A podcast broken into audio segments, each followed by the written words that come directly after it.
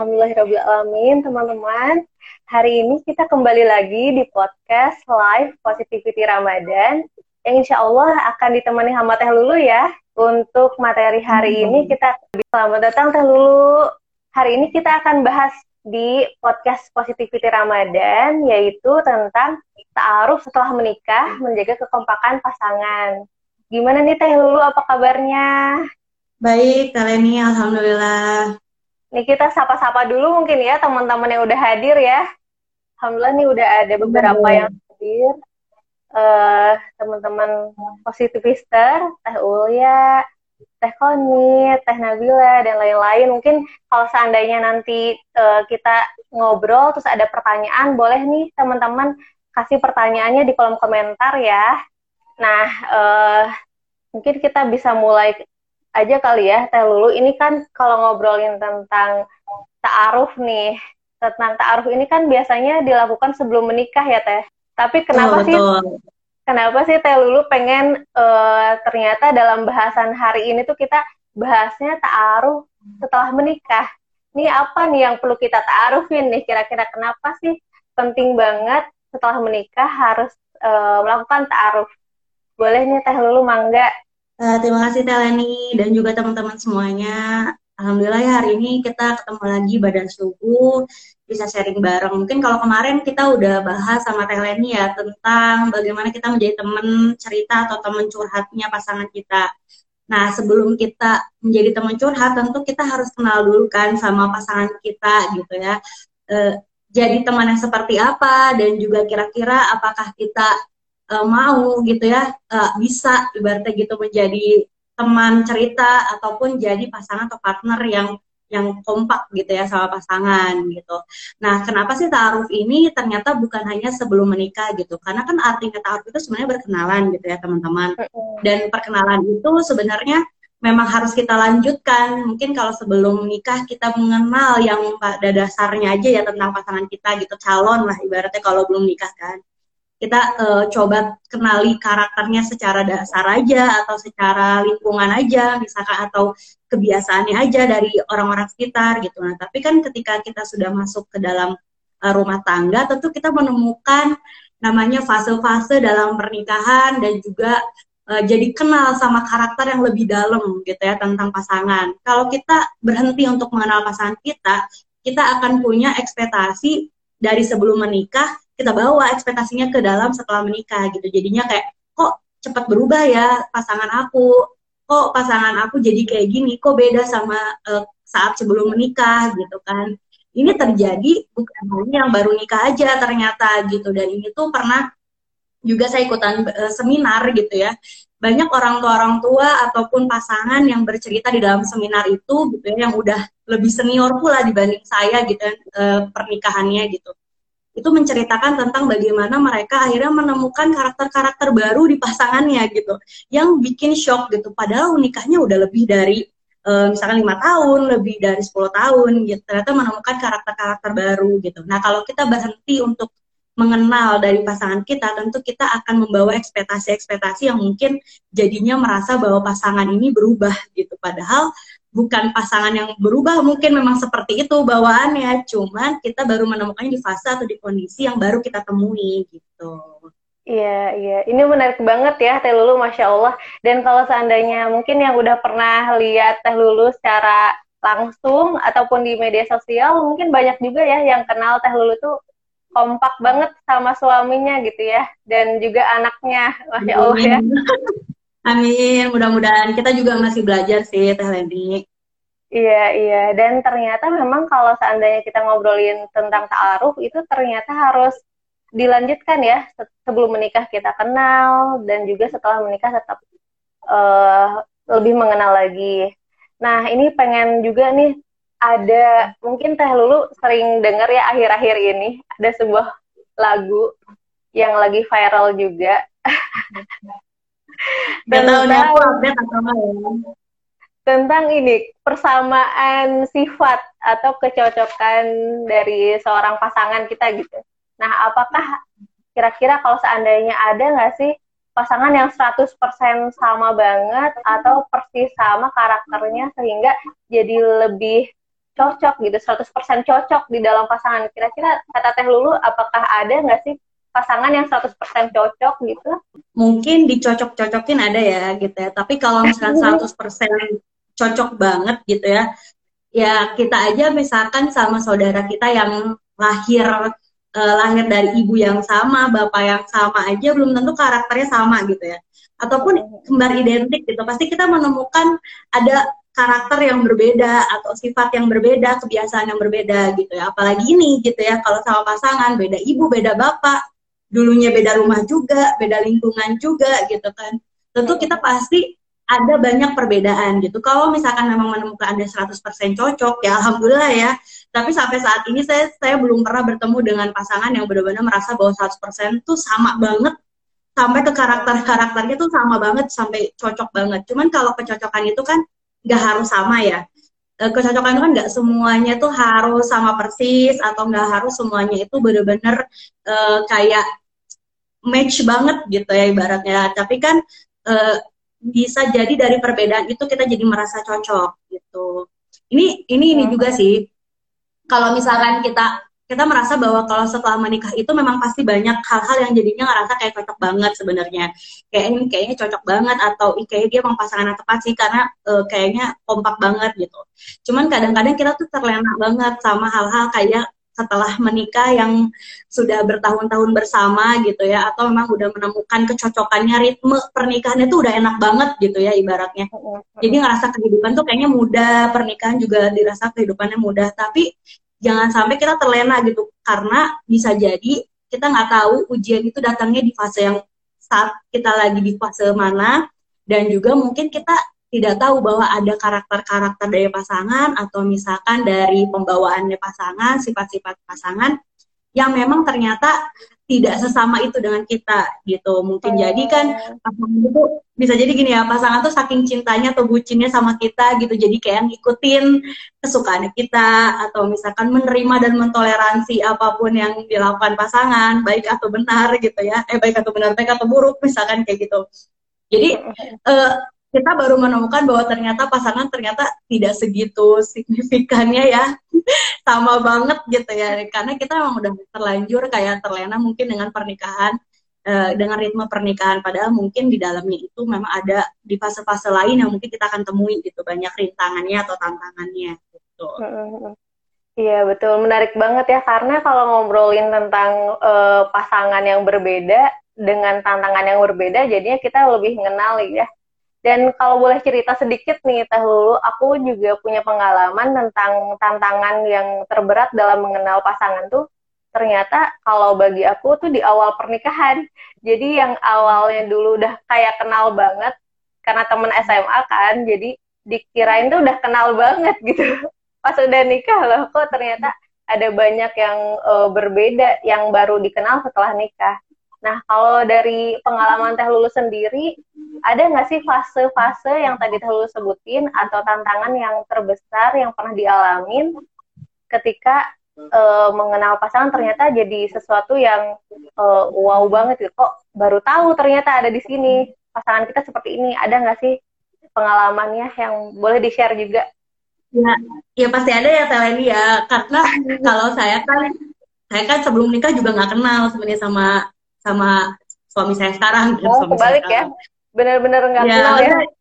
Benar-benar nggak kenal gitu. Walaupun orang di sekitar saya tuh kenal, tapi saya pribadi sebenarnya secara personal nggak kenal. Saya cuma kenal sebagai dulu ya teman proyekan kerja gitu ya berarti gitu. Teman juga nggak jadi teman sih, cuma kayaknya orang jauh tapi dia ada di proyek yang sama gitu.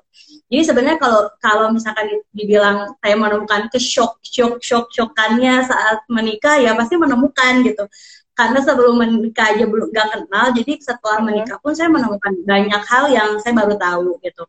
Kayak oh ya suami saya ternyata kayak gini. Oh ternyata suami saya perlu diingetin hal ini. Oh ternyata gaya bahasanya suami saya gini. Oh ternyata kalau suami saya e, marah kayak gini ya oh kalau suami saya ngelucu pengennya saya gimana gitu kan misalkan kayak gitu ya. Jadi itu baru dikenal setelah menikah. Jadi kalau dibilang e, banyak eh, hal-hal yang shock ya pasti di awal-awal pernikahan itu ini mungkin semua yang menikah mengalami ya. Kayak kita baru mengenal pasangan kita gitu kan. Secara yang asalnya kita cuma melihat dari jauh mengamati dari jauh gitu ya. Cuma sebatas kenal dasar-dasarnya aja gitu. Ketika satu rumah kita jadi tahu kebiasaannya yang yang dari paling dasar sampai yang paling dalam gitu ya. Ibaratnya e, kebiasaannya gitu yang paling sering dilakukan gitu. Nah itu ya ditemu juga di awal-awal pernikahan. Tapi ya namanya fase kan ada di tahun-tahun pertama pernikahan, di tahun kedua, ketiga dan selanjutnya itu pasti akan menemukan tantangan yang berbeda gitu. Ada kesyok-syokan yang lain gitu kan. Walaupun sebenarnya kalau udah di di melewati tahun-tahun pertama pernikahan mungkin udah lebih kayak menerima sih kalau saya pribadi ya kayak ya udah emang suami saya gitu lah ya gitu kadang ya udahlah ya banyak kayak gitunya jadi kayak lebih banyak toleransi karena kita udah mengenal lebih dalam di awal-awal pernikahan tuh udah bener-bener saya kayak kita tuh sama-sama uh, ngobrolin gitu tentang kalau ada satu hal yang bikin shock itu saya dan suami itu selalu diutarakan gitu kayak oh kok kamu kebiasaan misalnya matiin lampu aja ya misalnya matiin lampu kamar mandi gitu atau nutup pintu kamar mandi. Saya selalu tanya kenapa sih kalau habis dari keluar dari kamar mandi pintunya nggak ditutup? Misalkan gitu saya tanyanya kayak yeah. gitu. Atau lampunya nggak dimatiin misalkan gitu.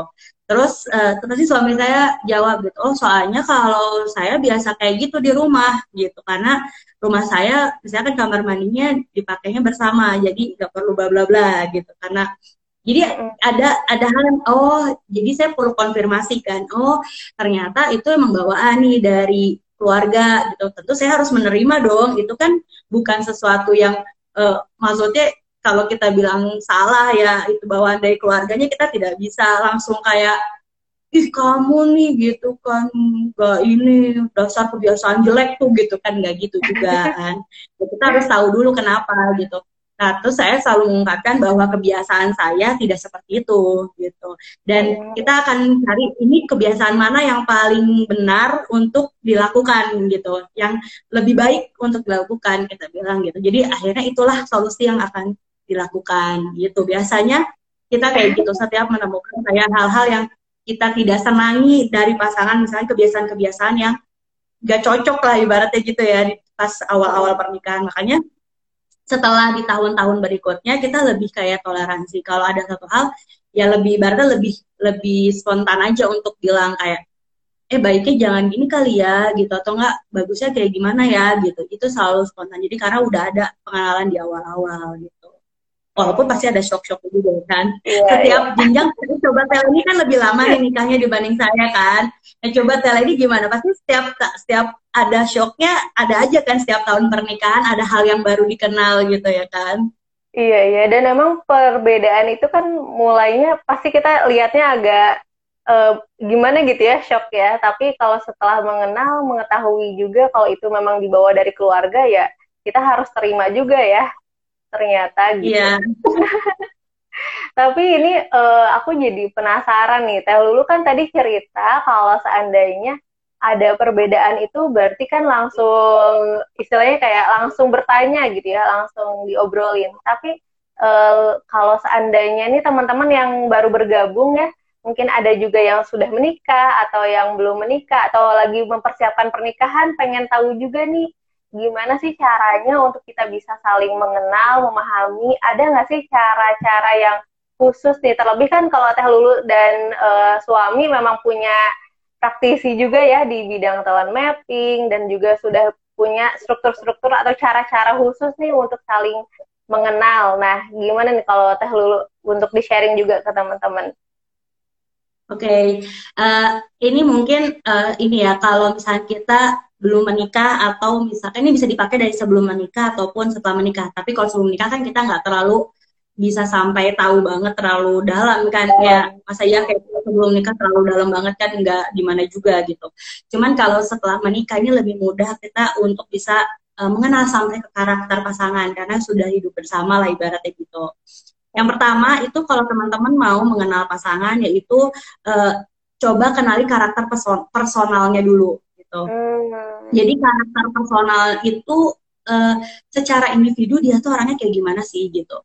Nah ini uh, sebenarnya bisa dilihat dengan kita lihat kebiasaannya aja kan. Kalau sehari-hari oh dia karakternya kayak gini. Kalau lagi ngobrol kayak gini. Oh kalau dia marah seperti ini. Oh kalau dia uh, diskusi misalkan dia tipe orang yang gini. Oh kalau dia lagi curhat misalkan dia tipe orang yang begini pengennya bisa solusi atau apa gitu ini kan bisa dilihat se apa ya kalau ibaratnya dengan Iya dengan dengan mata tertutup enggak juga ya. Maksudnya dengan kasat mata gitu ya. Jadi set set set bisa dilihat gitu ya. Mm. Cuman uh, kalau itu kan baru dasarnya aja. Dasar tuh artinya kita cuma bisa mengenal kayak oh kayak gitu ya mereka-reka lah ibaratnya gitu. Nah ini kan perlu konfirmasi ya apakah benar dia orangnya seperti itu atau enggak gitu ya. Mm. Itu kan perlu konfirmasi dari kita.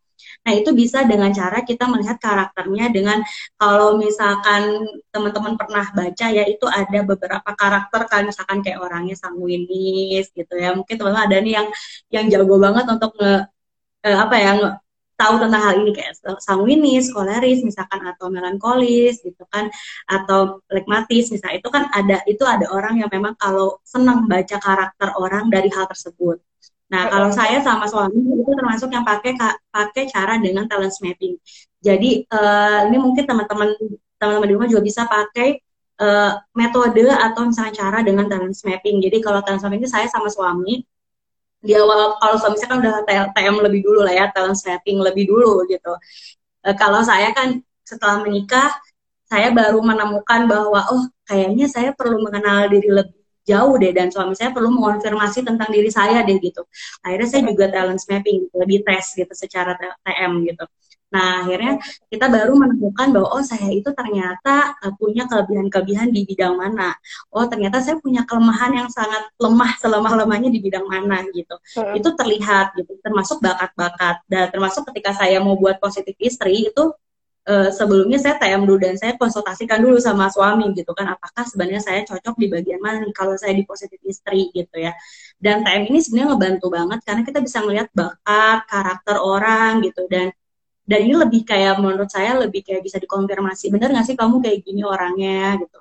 Bener gak sih kalau misalkan aku kayak gini? Dan menurut saya sih lebih paling mendekati benar semua gitu ya tentang PM ini. Itu tadi ya karakter personal. Jadi teman-teman boleh uh, dengan cara apa pun selain itu juga ada kan masih banyak lagi selain TM dia bisa ada apa tuh misalkan uh, Steven dan lain-lain itu terserah teman-teman ya pakai metode apa gitu. Yang penting kita konfirmasi bahwa uh, hal tersebut memang memang uh, dirasakan atau uh, pasangan kita tuh atau kitanya memang kayak menyetujui oh iya ya aku emang seperti itu gitu.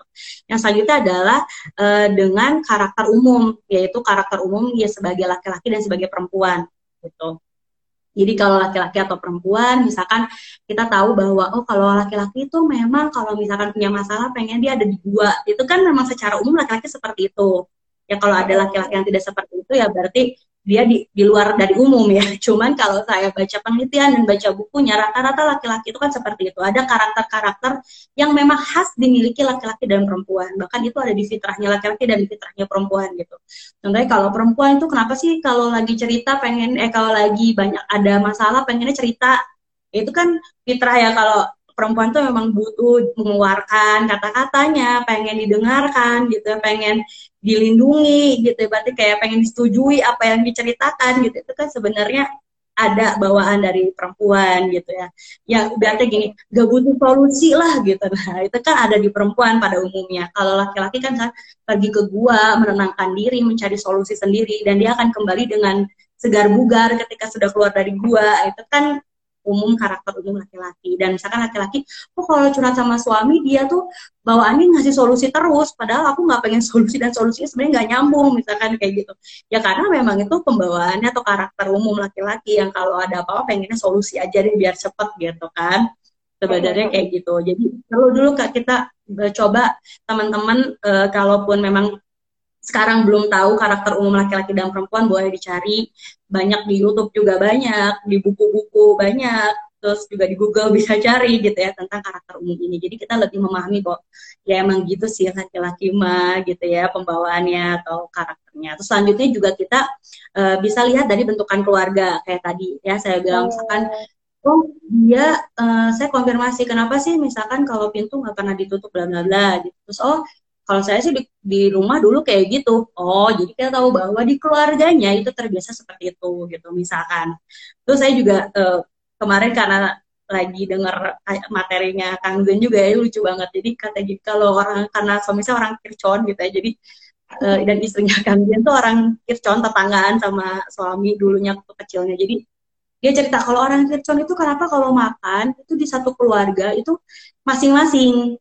Jadi bukan yang satu keluarga ada momen makan, makan siang ber gitu ngumpul di meja makan. makan. Kalau ini enggak, Iya, ini mah pokoknya kalau lapar ya makan masing-masing gitu. Dan itu saya temuin juga gitu bahwa kalau saya dulu di keluarga saya itu kalau makan terbiasa bersama gitu. Kalau makan malam, bapak saya misalnya pulang kerja atau apa, kita dipaksa untuk berkumpul di depan ruang TV untuk makan malam gitu. Jadi makan itu bukan karena lapar, biasanya karena kita emang udah momennya makan bersama gitu. Nah, ketika saya masuk ke keluarga suami itu berbeda. Oh, makannya masing-masing. Bahkan bisa beda-beda waktu, beda menu gitu. Setiap orang punya menunya sendiri gitu. Itu masing-masing. Jadi oh ternyata nah ketika masuk ke dalam rumah ke dalam rumah tangga itu saya biasa makan bareng-bareng, suami biasa makan sendiri-sendiri. Nah, kita kan cari solusi ini. Oh, kebiasaannya memang dari keluarga seperti itu. Saya nggak bisa ngejudge, ih kamu mah egois makan sendiri ya nggak bisa gitu ya. Saya harus kayak ikutan nimbrung aja, ya makan makan bareng dong gitu ya kayak gitu gitu. Nah, selanjutnya adalah uh, bentukan uh, dari lingkungan atau budaya ya gitu. Misalkan dia memang dari orang mana nih gitu ya, daerah daerah mana, misalnya kan punya budaya masing-masing ya biasanya. Kalau di Sunda gimana, kalau di Jawa gimana, misalkan atau misalkan Sumatera gimana, itu kan itu budaya ya, misalkan dibawa ketika masuk ke dalam rumah tangga atau lingkungan gitu. Dia mungkin sudah sudah banyak misalkan berkomunitas atau punya organisasi di ikut organisasi di mana-mana sehingga karakternya banyak dibentuk dari lingkungannya. Dan itu kita juga perlu perlu perlu mengenal itu. Gitu. Oh mungkin dia dulunya di organisasi aktif banget yang misalkan menyuarakan aspirasi gitu ya. Contohnya kayak dia misalnya ketua BEM atau apa gitu yang dukung gitu ya. Gercep gitu kalau misalkan ada aspirasi itu langsung disuarakan dengan lantang gitu. Kita kan perlu tahu oh ternyata dia ini dulunya ketua kalau demo dia suka jadi ketua misalkan kayak gitu ya. Yeah. Atau misalnya dua dia ini dia itu e, misalkan ketua BEM yang memang punya aspirasi banyak sehingga ketika masuk ke dalam rumah tangga itu terbawa misalkan kayak gitu. Kayak itu kan bisa di, bisa kita ketahui ya. Jadi oh ya dia dulu emang masa lalunya dia ini emang anak ini anak organisasi misalkan kayak gitu. Kayak kayak suami saya itu kan banyak banget sebenarnya dia ikutan organisasi sehingga uh, dia itu punya tipe kalau misalkan menyuarakan sesuatu atau punya ide itu biasa langsung dieksekusi gitu ya bersama gitu ya. Itu mungkin karakter ketika ikut organisasi banyak gitu kan jadi jadi ya ini perlu dikenali lah ibaratnya gitu ketika kita masuk dalam rumah tangga gitu Hmm, ini menarik banget ya. Mungkin kalau teman-teman yang baru join nih boleh aku simpulin sedikit ya karena tadi lumayan banyak. Mungkin bagi teman-teman yang pengen mengenal harus uh, pakai cara-cara yang dahulu sebutin nih yang tadi tuh yang pertama adalah kita pakai tools ya pakai alat. Tadi dulu pakai talent mapping untuk saling mengenal terus juga yang keduanya mengenal karakter umum ya cara fitrah perempuan tuh kayak gimana atau laki-laki kayak gimana dan itu tuh berlaku secara umum memang seperti itu. Jadi kita wajar gitu ya kalau laki-laki dan perempuan itu memang punya perbedaan. Terus juga bawaan keluarga yang itu penting banget ya bagaimana keluarga itu membangun karakter si uh, pasangan itu sendiri terus juga budaya ya budaya setempat yang tadi teh lu bilang mungkin sebutin lokasi ya. Karena apalagi kalau seandainya beda beda suku itu kan pasti akan berbeda juga ya bawaan betul, budayanya gitu. Dan ini cuma beda ini ya beda oh, beda, beda lokasi kilometer doang beda kelurahan dari ujung berung ke Kirson gitu ya kan cuma kalau naik angkot paling ya sekali lah gitu. Iya, iya. Tapi kok beda banget gitu ya. tapi beda banget ya ternyata gitu. Iya ya dan yang paling uh, banyak juga mungkin adalah budaya lingkungan yang bisa mengembangkan si personal itu sendiri ya. Antara tadi kalau seandainya memang udah biasa aktivis gitu kan atau memang biasanya uh, pendiam di rumah mungkin akan berbeda gitu. Kalau seandainya hmm. pasangannya punya perbedaan dalam aktivitas gitu ya masya allah uh. banget nih ini menarik banget kalau kita bahas lebih dalam lagi ya. Teh Lulu nggak apa-apa nih. Nggak apa-apa Teh Akan digali-gali Teh Lulu nih. Ini teman-teman boleh juga ya kalau seandainya ada pertanyaan atau mungkin lagi ngalamin uh, agak-agak apa perbedaan sama pasangan tuh gimana sih cara solusinya misalkan kayak gitu boleh langsung ditanyain di kolom komentar. Nah kalau aku sih uh, penasaran juga nih sama Teh Lulu dan juga mungkin teman-teman juga penasaran juga ya kalau seandainya ngobrolin tentang perbedaan ini dan juga setelah menikah ternyata kita punya banyak peran kan. Nah, artinya kita harus berbagi peran dengan uh, karakter kita yang mungkin memang berbeda antara pasangan suami dan laki-laki eh dan perempuan gitu ya dan istri.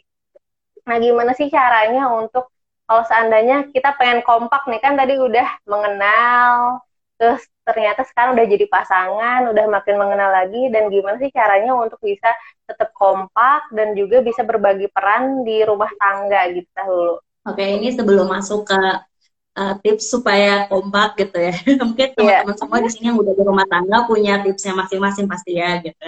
Cuman uh, kalau dari saya pribadi gitu ya, ini uh, kenapa saya bilang tadi kita harus mengenal karakter pasangan terlebih dahulu. Karena setiap orang itu punya karakter yang masing-masing dan pembawaan yang masing-masing yang pastinya itu banyak berbeda dengan kita atau dengan orang lain lain orang lainnya gitu ya. Uh, terbayang sama kita kalau misalkan kita tidak mengenal karakter atau pembawaannya pasangan kita gitu mungkin kita akan banyak judgement atau jadinya banyak menduga-duga tentang pasangan gitu dan akhirnya jadinya kayak overthinking atau negative thinking tentang pasangan.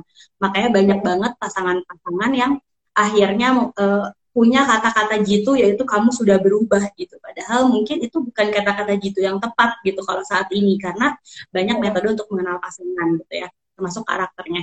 Uh, termasuk saya ini cerita sedikit tentang uh, saya dan juga suami gitu. Ketika kami berdua saling mengenal sampai ke karakter dan bakat, kita berdua ini bisa sampai memutuskan ingin menjadikan uh, pasangan itu sebagai partner di bidang mana di hidup kita gitu. Hmm. Itu benar-benar memudahkan kita untuk bisa kompak gitu karena ketika saya tahu kalau pasangan saya ini misalkan punya positivity nomor teratas gitu ya kalau di talent mapping gitu ya uh, positifnya luar biasa gitu ya nomor satu nomor dua gitu setiap tes gitu. Maka saya tahu oh dia gitu nggak bisa nih kalau kita gibah. Nggak bisa nih kalau saya bilang misalkan kata-kata nggak mungkin itu nggak mungkin ada di suami saya gitu. kata-kata nggak mungkin itu pasti nggak ada di suami saya gitu. Karena dia positif itu nomor satu nomor atas gitu. Itu positif banget. Jadi makanya setiap saya bikin positif saya bilang kayaknya nggak mungkin deh ini uh, misalkan jadi atau misalnya bisa jalan gitu suami saya bilang kenapa nggak mungkin? Apa yang bikin nggak mungkin? Malah ditanya-tanya gitu karena bagi dia nggak ada konsep uh, seperti itu gitu karena positifnya tinggi banget. Makanya saya selalu menjadikan suami saya ini adalah tempat saya uh, berdiskusi tentang apa pun gitu. Karena dia positif tingginya tinggi banget positifnya tinggi banget. Sehingga apa pun yang uh, keluar dari suami saya itu kayak ya jadi deh gitu. Ya udah jadi deh hayu gitu. Jadi itu hmm. bikin kayak kalau saya orang yang lumayan tidak percaya diri gitu ya, itu membantu sekali gitu. Nah, saya pun tipe yang kalau di telesmapik itu, saya itu disiplinnya nomor satu, nomor satu, nomor dua, itu pasti blood test dua kali, pasti di paling atas juga. Dan itu bagi suami saya, kalau misalkan ingin mengurus suatu hal yang penuh dengan kerapian, tertata, dan juga hal yang tepat waktu gitu, itu pasti mengandalkan saya. Jadi kita berdua tahu di mana kita akan memposisikan pasangan gitu. Hmm. Itu karena kita sudah mengenal gitu karena beda-beda tadi ada yang misalkan nomor yang kelebihannya ada caretaker misalnya dia senang melindungi dia sangat suka perhatian gitu ya memperhatikan gitu atau ada yang suka jadi pelindung atau jadi pemimpin atau hmm. ideation misalkan dia punya banyak ide gitu kan itu kan harus ditampung ya setiap bakat-bakat itu kan nggak mungkin kita kita abaikan gitu ya makanya itu hmm. perlu banget teman-teman uh, untuk saling mengenal tentang pasangan gitu. Nah, hmm. tadi gimana sih kompaknya? Tadi yang pertama itu saya sama suami itu kita benar-benar mengenal karakter pasangan masing-masing. Eh pasangan saya mengenal karakter pribadi masing-masing. Selain kita bisa mengenal pasangan, ketika kita mau menge, uh, mau mengenal pasangan ya, itu kita jadi mengenal diri kita juga gitu gitu jadi ketika kita oh pasangan saya kayak gini ya oke kalau saya nah itu kan jadi kayak gitu ya jadi kita merenung ke diri sendiri oh kalau saya tipenya kayak gini, cocok nggak kira-kira kalau sama suami dengan gayanya seperti itu gitu. Atau misalkan oh kalau sama uh, saya tipenya gini, kalau kamu cocok nggak sama saya dengan gayanya seperti ini gitu. Itu kan jadi mengenal diri sendiri, mengenal pasangan gitu ya. Dan itu hmm. jadi lebih nggak cuma jadi nggak cuma satu gitu jadi bisa jadi dua bisa ke anak anak nih karakternya mirip siapa nih gitu kan jadi bisa tahu juga gitu gitu kan itu itu tadi yang pertama jadi kita mengenal uh, secara um, mendalam lah ibarat tentang karakter masing-masing pasangan gitu ya masing-masing pribadi pasangan gitu. Yang kedua adalah uh, coba kita beri ruang toleransi untuk pasangan kita gitu. Jangan terlalu menuntut misalkan menuntut itu sebenarnya kalau dalam pernikahan itu ada baiknya, ada nggak baiknya. Kalau misalnya menuntut dengan hal kebaikan, dengan misalkan uh, kita menuntut uh, pasangan, ayo kita sama-sama belajar supaya uh, lebih lebih puasan kita lebih luas, atau misalnya ayo kita sama-sama kejar yuk uh, kita murojaahnya supaya misalkan hatam atau hafalan kita ditambah. Misalnya itu kan menuntut dalam kebaikan ya sebenarnya. Tapi mungkin dengan cara-cara atau metode-metode yang baik gitu. Tapi kan ada menuntut yang misalkan kurang baik contohnya kayak misalkan uh, istri misalnya lagi habis uh, nyusuin anak misalkan eh dong uh, beresin nih berantakan misalkan atau suaminya baru pulang kerja uh, dimintain duit misalkan ah ini minta uang dong misalkan mau belanja apa misalnya gitu. Nah kan itu atau suami aduh cepet dong kerja lagi kerja lagi misalkan nah, kita harus mengejar cicilan atau apa gitu kan. Kan itu kan menuntut yang sebenarnya kurang pas gitu ya kurang baik gitu. Jadi, jadi bikin baiknya kalau ya. bikin stres kita harus tahu momen juga kalau mau menuntut menuntut apa di momen apa kita mau menuntut gitu. Nah makanya beri ruang toleransi supaya nggak terlalu banyak menuntut gitu. Kita toleransi oh ini berantakan karena istri saya main sama anak seharian anak saya jadi seneng karena ada teman main sama ibunya. Atau oh ini belum masa karena istri saya lagi ngejar proyek nih gitu ya. Karena ternyata proyeknya ini juga bermanfaat bagi orang banyak. Istri saya lagi berkarya ya udah nggak apa-apa. Atau misalkan oh ternyata uh, suami saya ini pulangnya uh, pulangnya terlalu malam karena mencari rezeki gitu untuk anak-anaknya. Atau misalkan oh suami saya nggak bisa bantu nih misalkan megangin anak karena misalkan lagi meeting. Itu toleransi ya kan nggak nggak semuanya itu harus uh, harus dituntut sesuatu yang sama gitu. Jadi beri ruang toleransi yang kedua. Yang ketiga adalah coba banyak-banyak berkomunikasi juga sama pasangan. Nah uh, ini penting banget, mungkin sering banget didengar ya, karena komunikasi ini juga bagian dari kita mengenal bahasa cintanya pasangan kita gitu ya. Oh pasangan kita tipenya seperti apa sih bahasa cinta? Mungkin panjang banget kalau bahasa bahas tentang bahasa cinta, tapi teman-teman mungkin ah, sudah banyak yang tahu tentang bahasa cinta ini gitu. Nah selanjutnya, nanti yang paling utama sebenarnya adalah bikin tujuan bersama gitu. Hmm. Jadi kenapa sih bikin tujuan bersama uh, ini? Nah tujuan bersama inilah yang akan menjadi fondasi teman-teman. Karena uh, tujuan bersama yang menggapai ridho Allah gitu ya. Sama-sama berumah tangga kita sama-sama ingin menggapai ridho Allah. Itu kan sebenarnya adalah kekompakan yang hakiki ya. Kita mau ngapain lagi sih di dunia ini kalau bukan untuk mencapai menggapai ridho Allah gitu kan ya. Dan itu di dijalani bersama-sama dengan pasangan gitu. Ketika kita ada hilaf atau apa kita akan kembali dengan tujuan bersama kita. Saya kan mau ke surga nih bareng pasangan gitu. Masa saya sendiri aja gitu? Atau masa saya menjerumuskan pasangan saya ke dalam hal yang dia menjauhkan dia dari surga misalkan. Itu kan hal-hal yang bikin kita jadi kompak. Oh ya saya harus mengingatkan pasangan. Atau oh saya harus kembali lagi ke diri saya yang dengan jalan saya yang benar misalkan seperti itu. Oh saya harus uh, sadar atau saya harus ingat gitu dan lain-lain. Itu yang mengembalikan kita eh, kompak adalah sebenarnya tujuan bersama kita. Makanya kalau tujuan bersama itu selain kita ingin menggapai ridho Allah, bikin tujuan spesifiknya juga gitu. Jadi sebenarnya kita mau mencapai apa sih di dunia ini untuk menggapai ridho Allah gitu. Jadi bukan semata-mata ya saya pengen masuk surga deh udah titik gitu nggak gitu. Tapi kita rinci masuk surganya tuh mau dengan cara apa? Kan karena ibadah wajib.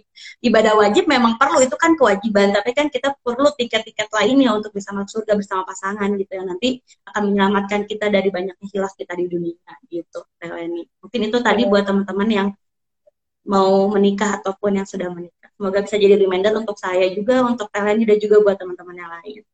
Uh, Masya Allah ya, ini benar-benar kayak uh, banyak banget nasihat-nasihat yang munculnya juga jadi ikut nih saya juga ikut ke reminder di salah satunya yang tadi ya yang dibilang bahwa kekompakan kuncinya bahkan adalah satu tujuan ya punya tujuan yang sama supaya kita bisa tetap kompak dalam menjalankan aktivitas sehari-hari dan uh, tadi menarik banget juga Teh Lulu bilang bahwa kalau kita punya partner, punya pasangan dan ingin berpartner itu mungkin uh, dalam hal-hal yang spesifik yang pasangan kita punya gitu. Ya karena kita ketahui punya bakatnya apa, jadinya kita partneran sama suami itu di bidang yang lebih spesifik daripada cuman uh, ya kamu suami aku atau ya aku adalah istri kamu gitu kan. Jadi kalau itu mungkin terlalu general, ternyata kalau Teh Lulu bilangnya harus lebih spesifik supaya kita sesuai ya tuntutan dan ekspektasinya juga gitu. Misalkan kalau pasangan kita pengen Betul. Karena peran suami dan istri itu kan itu kan kewajiban. kalau udah iya. menikah yeah. itu kewajiban. Jadi bukan kalau kita pu kalau jadi suami ya akhirnya udah jadi suami aja atau jadi istri kan enggak ya. Dalam itu kan kita punya sesuatu yang ya pengen kita iya. lakukan bersama iya gitu kan, partneran gitu. Jadi ya jangan cuma suami jadi suami suami aja, istri istri aja. Itu kan kewajiban kita memang harus kita lakukan dan kita penuhi gitu loh. Jadi kadang-kadang orang harus sudah selesai kan, dulu ya. Iya, nggak kadang-kadang kan orang tuh kayak gini, aku udah jadi suami gitu ya, oke okay, iya sih betul. Atau kan udah jadi istri, iya aku emang istri, tapi ya itu kan sebenarnya kalau dalam fase dalam fase-fase pernikahan yang kita perlu bumbu-bumbu ya, apa nih yang bisa kayak kita lakukan untuk pasangan atau pasangan bisa lakukan untuk kita gitu. Bukan iya. menuntut ya, tapi kayak support system yang baik gitu. Iya, iya. Dan banyak juga nih kalau mungkin teman-teman yang udah pernah ikutan ruang cerita ya, banyak juga cerita-cerita dari temennya, kalau eh dari ruang cerita, kalau seandainya para istri tuh nuntut suami untuk melakukan sesuatu, tapi ternyata suaminya juga nggak mampu melakukan itu gitu.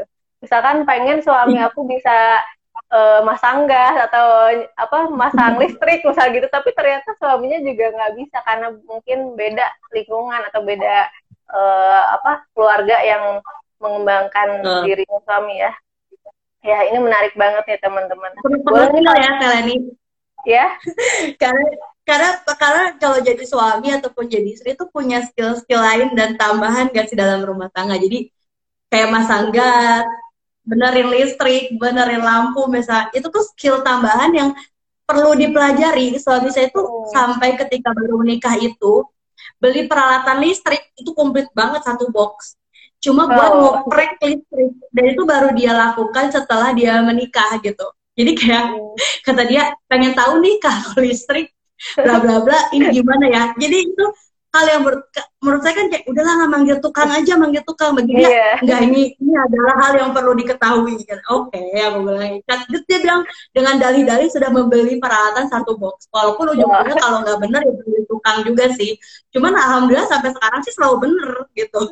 Yang dia oper selalu bener. Skill laki-laki itu sudah Allah kasih sebenarnya skill-skill yang memang perlu diasah. Seperti hal-hal kejantanan seperti itu tuh yeah. sebenarnya udah ada dalam dirinya. Cuman kurang diasah aja gitu loh. Makanya kalau dia gagal sekali jangan dibilang tuh kan gagal mendingan manggil tuh kalau enggak kita sediain aja nih listrik listrik nih benerin benerin gitu supaya terasa gitu kan nah, listrik itu pada banget ya. pengalaman pindah rumah ya kayaknya ya betul setiap pindah rumah tuh ada aja yang dioprek gitu sampai punya barang baru kayak barang peralatan membenarkan sesuatu tuh baru gitu. Iya, kayak, iya. Ini ngapain begini gitu kan? Kayaknya ribet banget ternyata kalau bagi laki-laki itu satu hal yang ini gue ini gentle nih kalau bisa gitu ya. benerin gitu kan. Ini gue kalau misalnya bisa benerin nih kayaknya laki banget gitu kan ibaratnya kayak gitu mungkin ya gitu. Boleh yeah, difasilitasi yeah. ya Bu. tools box, tools box ya laki-laki gitu. Untungnya kalau kalau udah ngerti mungkin kita jadi sabar ya, sabar nungguin ya listriknya mati ya udah gitu nungguin dulu. Bener, bener. Saya bisa sabar satu minggu gitu. Kalau nggak sabar saya minjem orang tua atau mertua. Pindah dulu lagi. Pindah iya. dulu kita. Aduh, aduh, ya ini sama juga ya, karena kita lagi di fase yang sama juga nih. Aku dan Telu sama-sama baru pindah, jadi aja ya. Oke oke. Nah ini Iya iya dan ini uh, kalau seandainya tadi ngobrol-ngobrol tentang kekompakan tentang uh, mengenal dengan pasangan memang jadinya ini long lasting ya jadi kayak harus selamanya setiap waktu gitu ya Telulu ya. Iya. Jadi jangan jangan lelah lah untuk mengenal pasangan gitu karena kita tuh akan menemukan fase-fase yang pasti berbeda dalam pernikahan tahun-tahun pernikahan yang mungkin lebih berat atau lebih enjoy, lebih ringan gitu. Dan itu perlu kita eh, perlu kita kenali bahwa pasangan kita pun akan memenuhi fase-fasenya juga gitu. Jadi saling mengenal tuh penting banget. Taruh setelah menikah. Taruh. Ini bisa jadi buku nih. Kalau kalau misalnya laki kan punya uh, apa pacaran sudah menikah ya. Kalau terlalu mungkin taruh setelah menikah ya. Nah, boleh ada ada yang mau bantuin nulis mungkin? Karena tidak terlatih ini ya. Oke oke. Ini uh, Teh Lulu nih udah nggak kerasa ya. Ternyata udah udah jam 6 nih kita ngobrol-ngobrol dan cukup panjang juga ya Masya Allah ya. Teman-teman kalau seandainya pengen ini kayaknya masih malu-malu nih untuk bertanya tapi uh, karena waktu juga ternyata sudah sampai jam 6 ini pengen tahu nih Teh Lulu kalau seandainya uh, apa ya kata-kata yang bisa mengantarkan atau menyimpulkan bahasan hari ini nih apa sih yang perlu teman-teman kita coba mungkin ya atau pesan-pesannya apa yang harus dilakukan untuk kita biar bisa tetap ta'aruf sama pasangan dan juga bisa tetap kompak nih sama pasangan. Ya, pernikahan itu adalah kalau saya sama suami bilang bahwa pernikahan itu adalah gerbang menuju kedewasaan gitu. Karena kita belajar menghadapi tanggung jawab di dalam pernikahan. Nah, maka salah satu kita untuk menghadapi tanggung jawab tersebut adalah dengan mengenal karakter pasangan dan taruh setelah menikah ini yang bikin kita semakin kompak gitu. Karena kalau kita tidak mengenal, tentu kita juga tidak tahu ya tujuan bersama kita itu akan bisa mempengaruhi pasangan seberapa besar atau tujuan bersama kita tuh akan menempatkan pasangan di posisi mana gitu. Makanya untuk bisa mengenal pasangan tentu kita harus mengenal diri juga. Nah, itu bisa kita lakukan juga dengan hal-hal tadi gitu ya yang sudah disampaikan sebelumnya itu mengenal karakter pasangan, bagaimana caranya mengenal uh, karakter pasangan dan itu perlu banget teman-teman setelah menikah tetap uh, untuk bersabar dan menemukan ruang toleransi untuk pasangan juga. Gitu, Teh Masya Allah ya. Jadi pesan utamanya bahkan adalah kalau kita mau mengenal pasangan, yaitu mengenal diri dulu ya, untuk bisa tahu tujuan bersama ya. Nanti jadinya malah kalau seandainya nggak kenal diri, malah ikutnya tujuan suami gitu, bukan tujuan suami dan istri ya. Betul betul. Ini, yeah. ini ada juga tujuan for couple tuh ada juga. Apa tuh? Boleh ya? Ya, ya harus dites dulu dua-duanya. Oh iya iya. Kan nggak oh, bisa iya, iya. Oke, okay, aku juga pengen cerita sedikit nih karena Teh Lulu udah buka mungkin ya karena talent mappingnya Teh Lulu dan uh, suami itu juga salah satunya yang pertama dilakukan sama kita juga ya karena maksudnya uh, saya sama suami juga pernah ikutan Kang Coki dan Teh Lulu untuk nge lihat bakat dan potensi saya dan suami dan saya ngerasanya kayak oh masa sih oh iya iya bener gitu. Jadi kayak banyak aha momennya ya. Terus kayak pembenaran oh, juga. iya tuh kayak gitu. Beda beda ceritanya kalau seandainya talent mappingnya sendirian. Kalau sendirian kan emang iya, kayak yeah, dia udah oke okay, oke okay, gitu kan. Tapi kalau sama pasangan jadi kayak iya itu tuh betul tuh harusnya kayak gini. Jadi kita bisa tahu ya potensi dan uh, saling ngisinya di mana gitu. Oke oke. Okay. itu mungkin Taleni Iya. Ya, makasih banyak Teh Lulu dan mungkin uh, teman-teman positivister juga kita bisa uh, jadi reminder juga ya bahasan hari ini bahwa ternyata ta'aruf setelah menikah itu waktunya sangat panjang dan bisa terus-menerus dilakukan dengan tadi berbagai cara yang Teh Lulu sampaikan juga supaya kita punya tujuan bersama dan akhirnya bisa kompak bersama ya bersama pasangan. Insya Allah nih teman-teman yang belum menikah atau yang udah menikah juga nggak uh, terlambat ya untuk saling mengenal ya atau nggak ada kata ya udahlah orangnya udah kayak gini gitu. Ternyata masih banyak yang harus kita gali lagi gitu. Dan uh, kita cukupkan mungkin ya teh lulu ya masya allah ya bahasanya hari ini. Semoga bisa bisa bermanfaat bisa jadi jalan juga dalam uh, mungkin proses ramadan ini untuk kita saling mengintrospeksi diri dulu gitu ya untuk saling mengenal, mengenal diri dan memperbaiki diri. Semoga nanti setelah kita selesai Ramadan kita menjadi orang yang lebih baik gitu dan menjadi pasangan yang lebih baik nantinya, masya Allah. Dan uh, kita haturkan terima kasih juga buat teman-teman yang udah hadir ya, yang udah menyimak nih. Alhamdulillah sampai akhir ada banyak yang datang gitu ya untuk bisa menyimak positif sister ini. Uh, dan nanti kita akan data akan lanjut lagi ya Teh Lulu ya insya Allah hari Jumat ya hmm. bersama pemateri yang lainnya. Semoga teman-teman bisa hadir lagi. Dan terima kasih. Assalamualaikum warahmatullahi wabarakatuh. Teh Lulu dan teman-teman. Positif Assalamualaikum warahmatullahi wabarakatuh. Waalaikumsalam.